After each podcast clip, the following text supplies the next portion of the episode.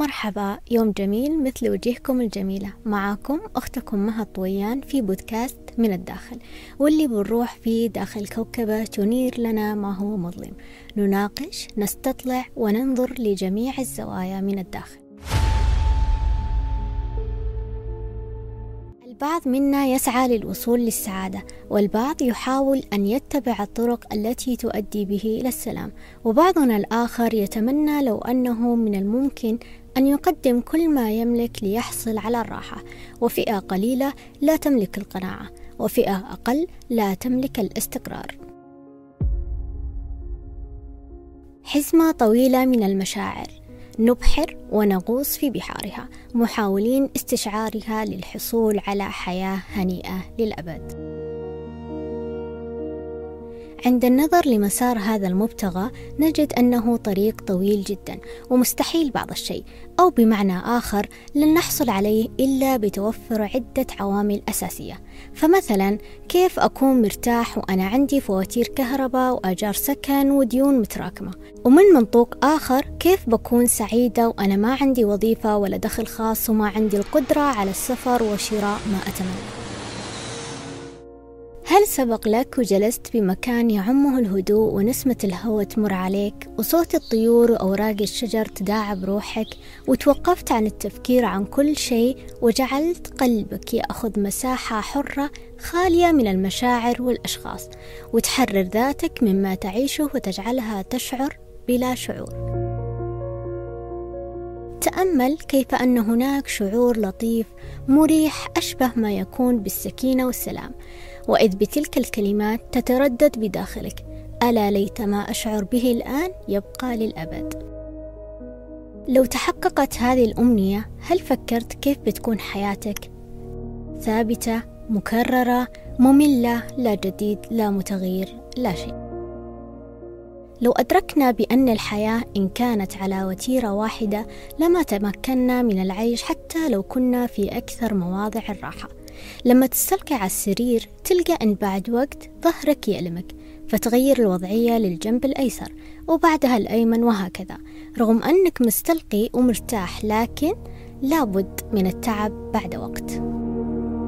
سعادة دائمة راحة وسلام داخلي قناعة هدوء عند الأزمات حكمة في اتخاذ القرارات والكثير الكثير من السكينة المستمرة في أعماق قلبك.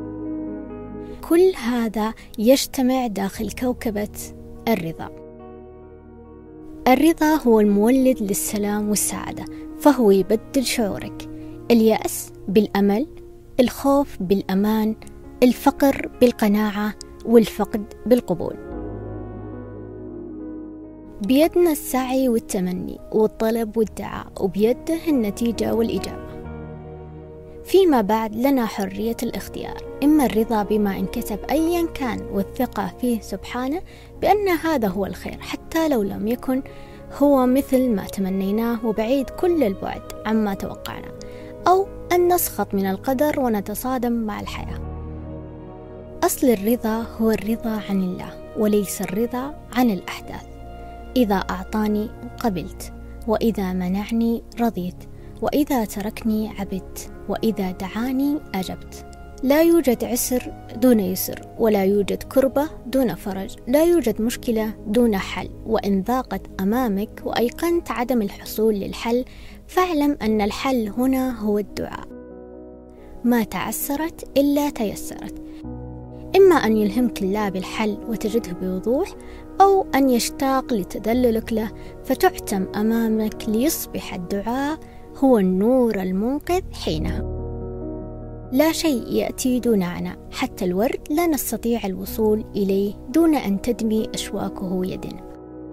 تبدأ الأيام المريحة والهدوء الثابت والاستقرار الداخلي والسعادة المنغمسة بداخل قلبك عندما تتجرد من فكرة أنك المسيطرة على كل ما يحدث بحياتك. وأن كل شيء ترغب فيه سيحدث مثل ما تتمناه بل توكل جميع أمورك لربك بعد ما تقدم كل الأسباب المؤدية لما ترغب. أول مفتاح للرضا هو السعي. السعي للحصول على ما هو أفضل. السعي وبذل الأسباب لتخطي مطبات الحياة دون التركيز على النتيجة. هل ستكون مثل ما توقعنا أم لا؟ ولا نقف عندما تفاجئنا الحياة بما لم نتوقع. نغوص أحيانا في حوض مشاكلنا وما فعلته لنا الحياة من ظلم وخوف وصعاب ومشقة. وننسى أن للحياة تكملة وأبواب متنوعة. وإن لم يكن هذا الباب يحمل خلفه ما نريد نطرق باب آخر. وفي مقولة لهيرز كير كلما أغلق بابا فتح باب آخر ولكننا نكون غالبا مشغولين بالباب الذي أغلق. الحياة كلمة رقيقة على اللسان. كثيرا ما تداعب مسامعنا وتملأ صفحاتنا وتزاحم أحاديثنا بل أن معظم ما نقول يكون حولها. لا تحتاج أن تواجهها أو أن تعقدها بل كل ما تحتاجه أن تفهمها وتتلذذ بها. امنح الحياة القليل من الرضا تمنحك الكثير من السعادة. بالرضا تصبح عينك ممتلئة برؤية النعم فلا ترى النواقص. لا تبحث عن السعادة ولا عن الاستقرار المالي ولا النفسي ولا تبحث عن السلام. ابحث عن الرضا لأنه إن وجد الرضا أتى منه كل شيء. لحكمة ما يجعل الله الأمور لا تمشي نحو ما تشير بوصلتنا. يكفينا أن نرضى بما يكتب ونثق باختياراته ونؤمن بأن كل ما يحدث هو الخيرة لنا.